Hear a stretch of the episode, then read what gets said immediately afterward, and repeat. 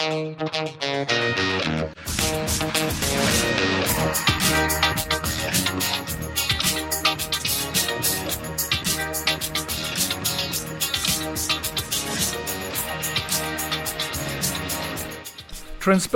International Norge fyller 20 år.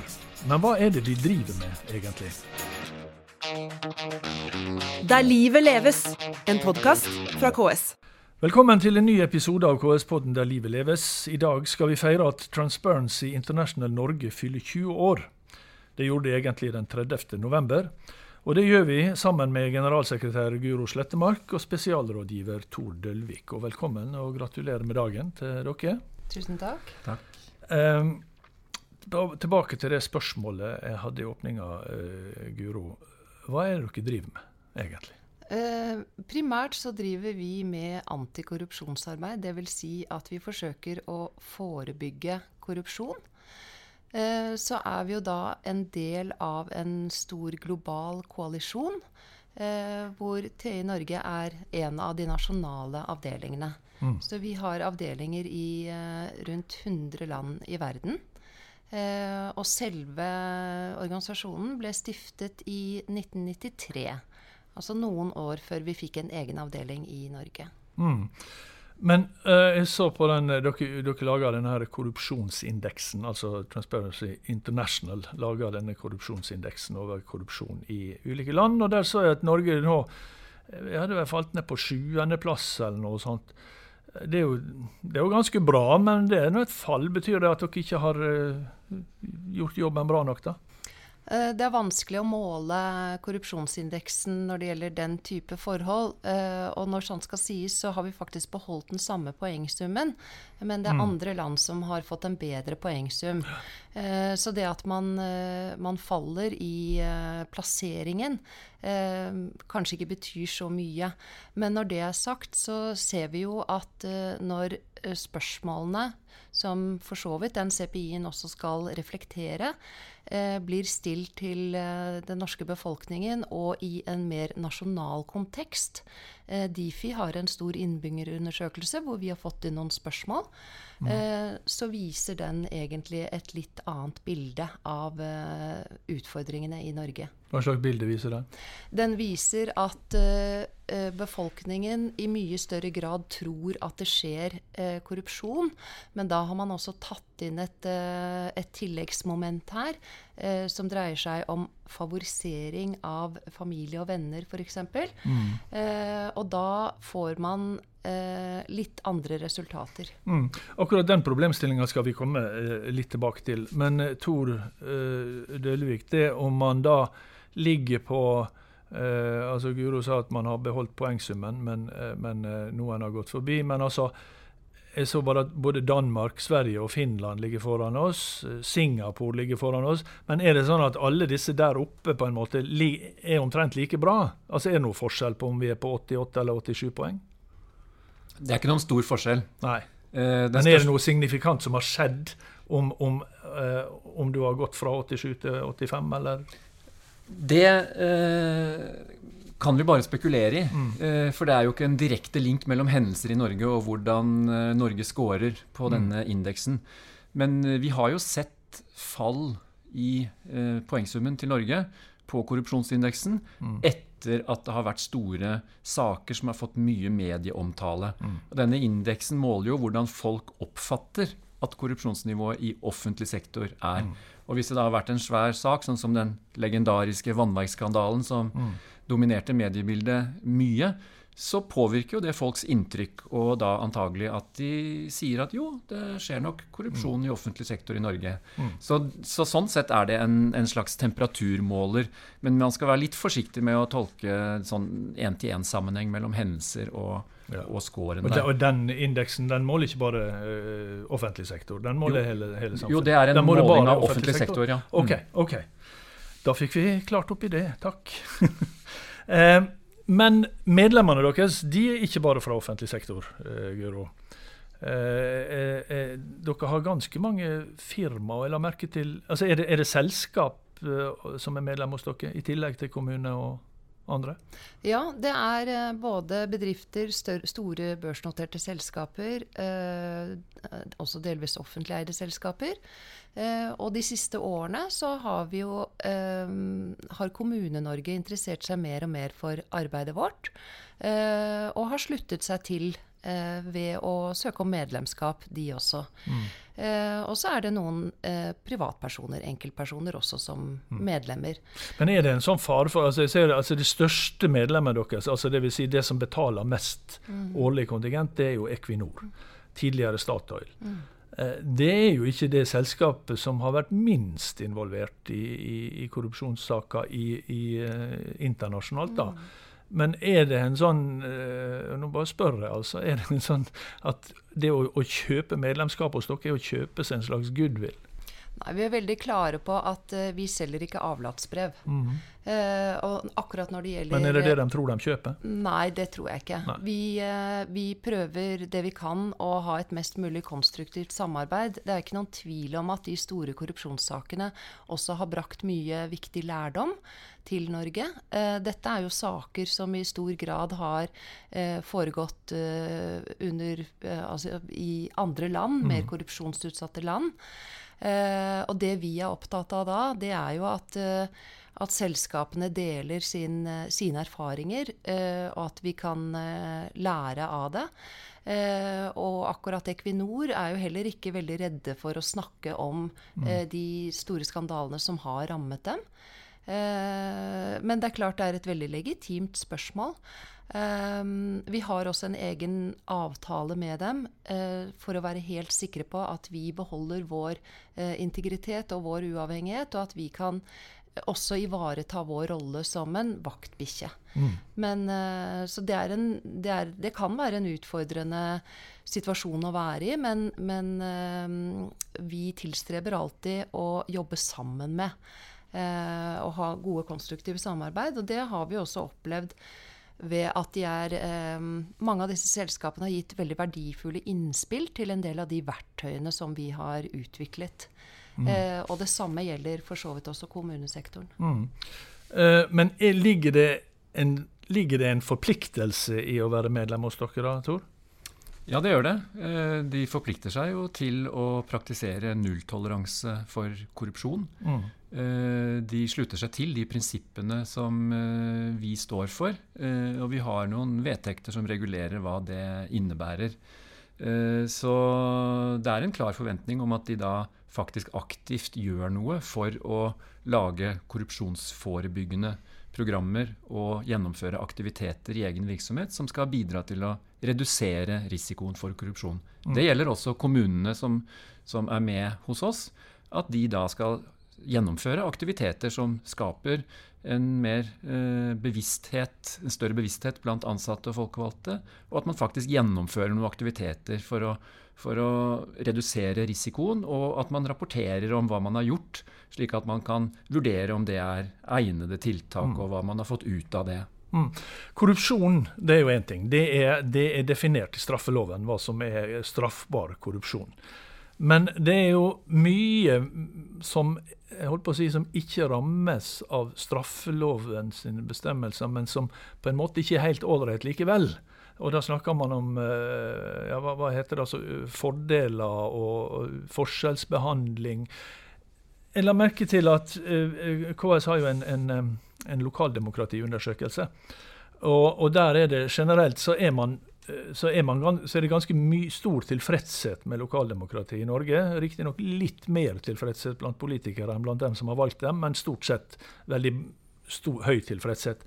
Men så er det én ting eh, og det, der politikere og lokalbefolkning, eller innbyggere er enig, og det er at det hjelper å ha kontakter i, i, kommunen. Altså det, det, er formulert som noe som at, det, eh, at de med gode personlige forbindelser eh, får, får, bedre ivaretatt sine interesser. Da er det altså en utbredt oppfatning om at det er en slags forskjellsbehandling i, i norske kommuner. Er det en oppfatning som eh, jeg håper å si, har grunnlag i virkeligheten?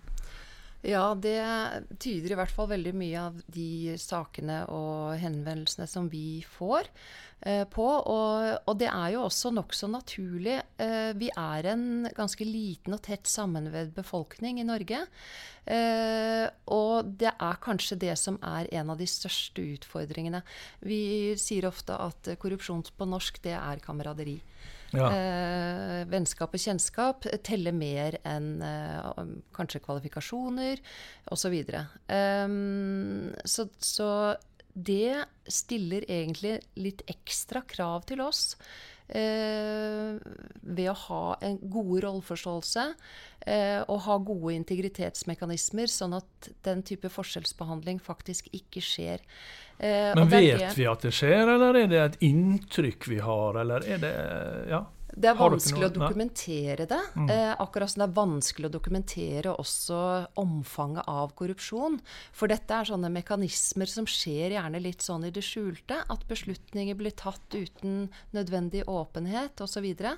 så, eh, men det er nok et, eh, et eh, inntrykk som som uh, man kan si har rot i virkeligheten. Mm. Ja, Vi har noen få indikasjoner på at det kan være sånn. Uh, det ene er denne Difi innbyggerundersøkelsen som ble nevnt uh, nettopp. Mm. Hvor 31% av de spurte i den nyeste undersøkelsen sier at de tror at smøring og favorisering av familie og venner skjer i kommunen der de bor.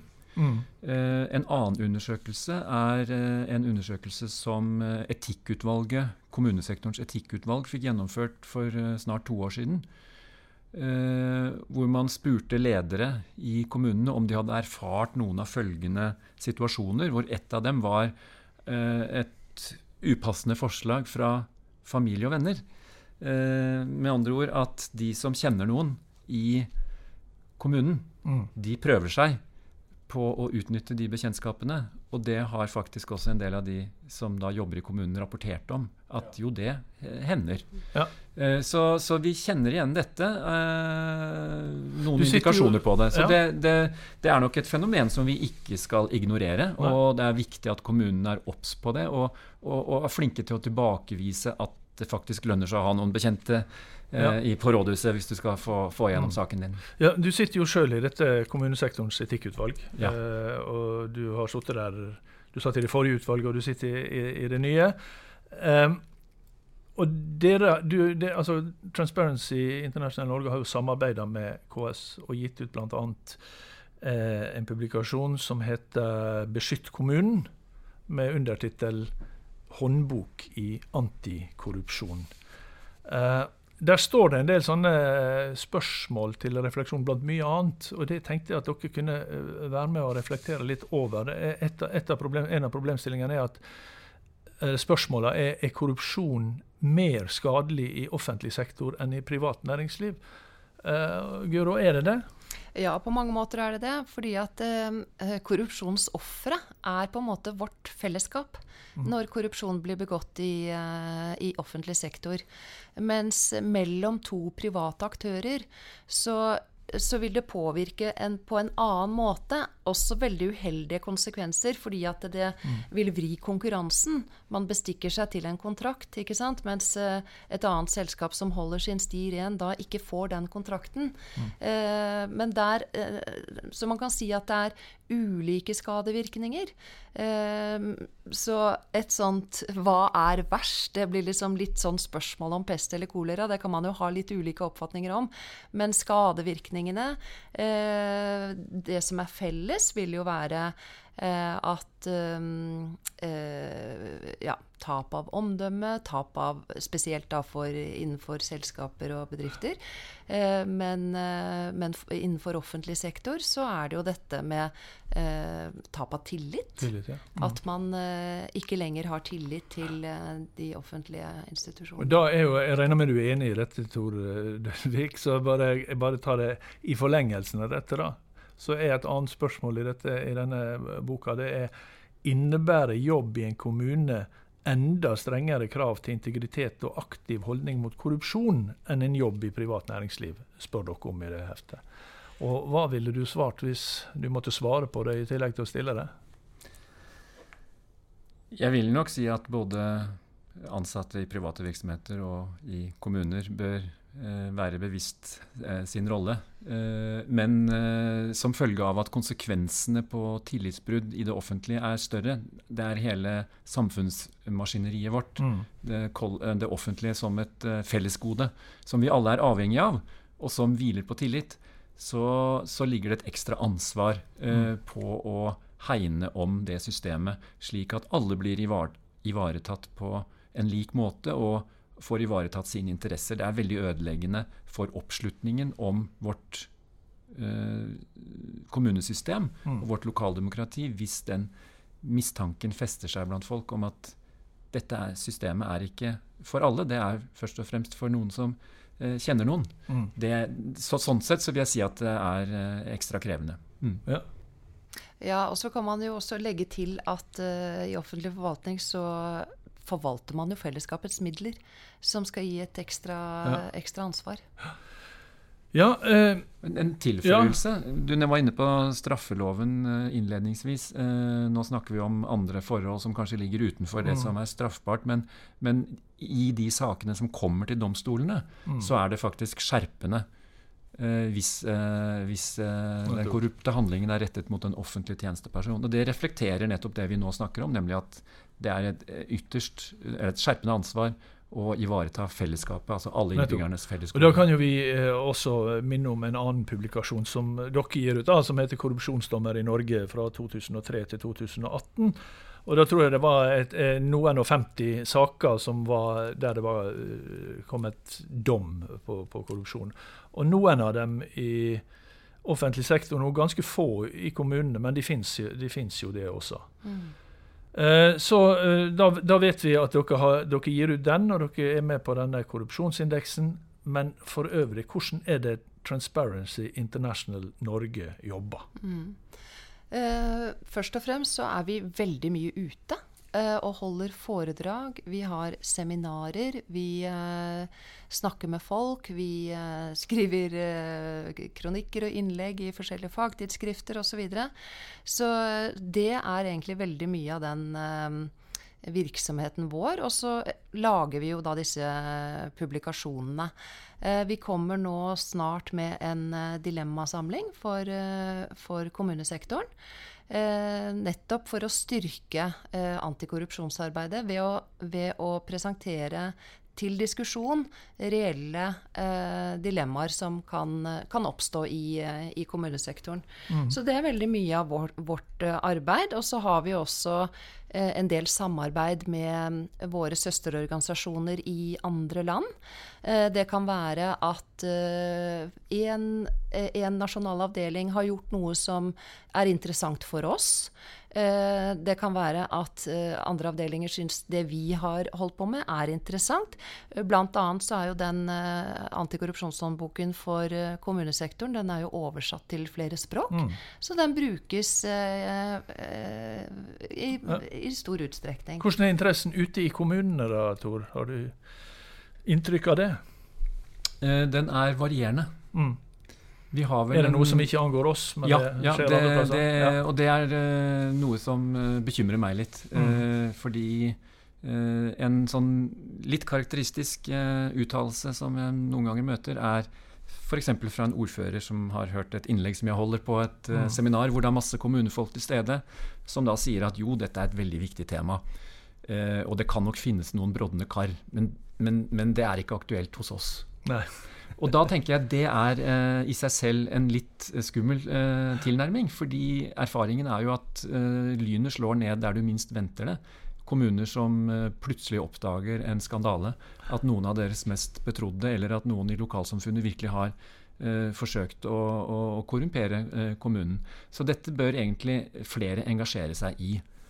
Mm, det var ikke det. Det var en veldig, veldig grei sluttappell, syns jeg. Så jeg tror jeg skal si tusen takk til uh, Guro Slettemark og Tor Dølvik fra Transparency International i Norge. Gratulerer med 20-årsdagen, og lykke til med videre arbeidet. For det var så langt vi kom i KS-podden Der livet leves eh, denne gangen. Den lages av Sindre Mork, Tormod Ugelstad og Kjell Erik Saure. Og vi er tilbake med nye episoder hver fredag. Der livet leves, en podkast fra KS.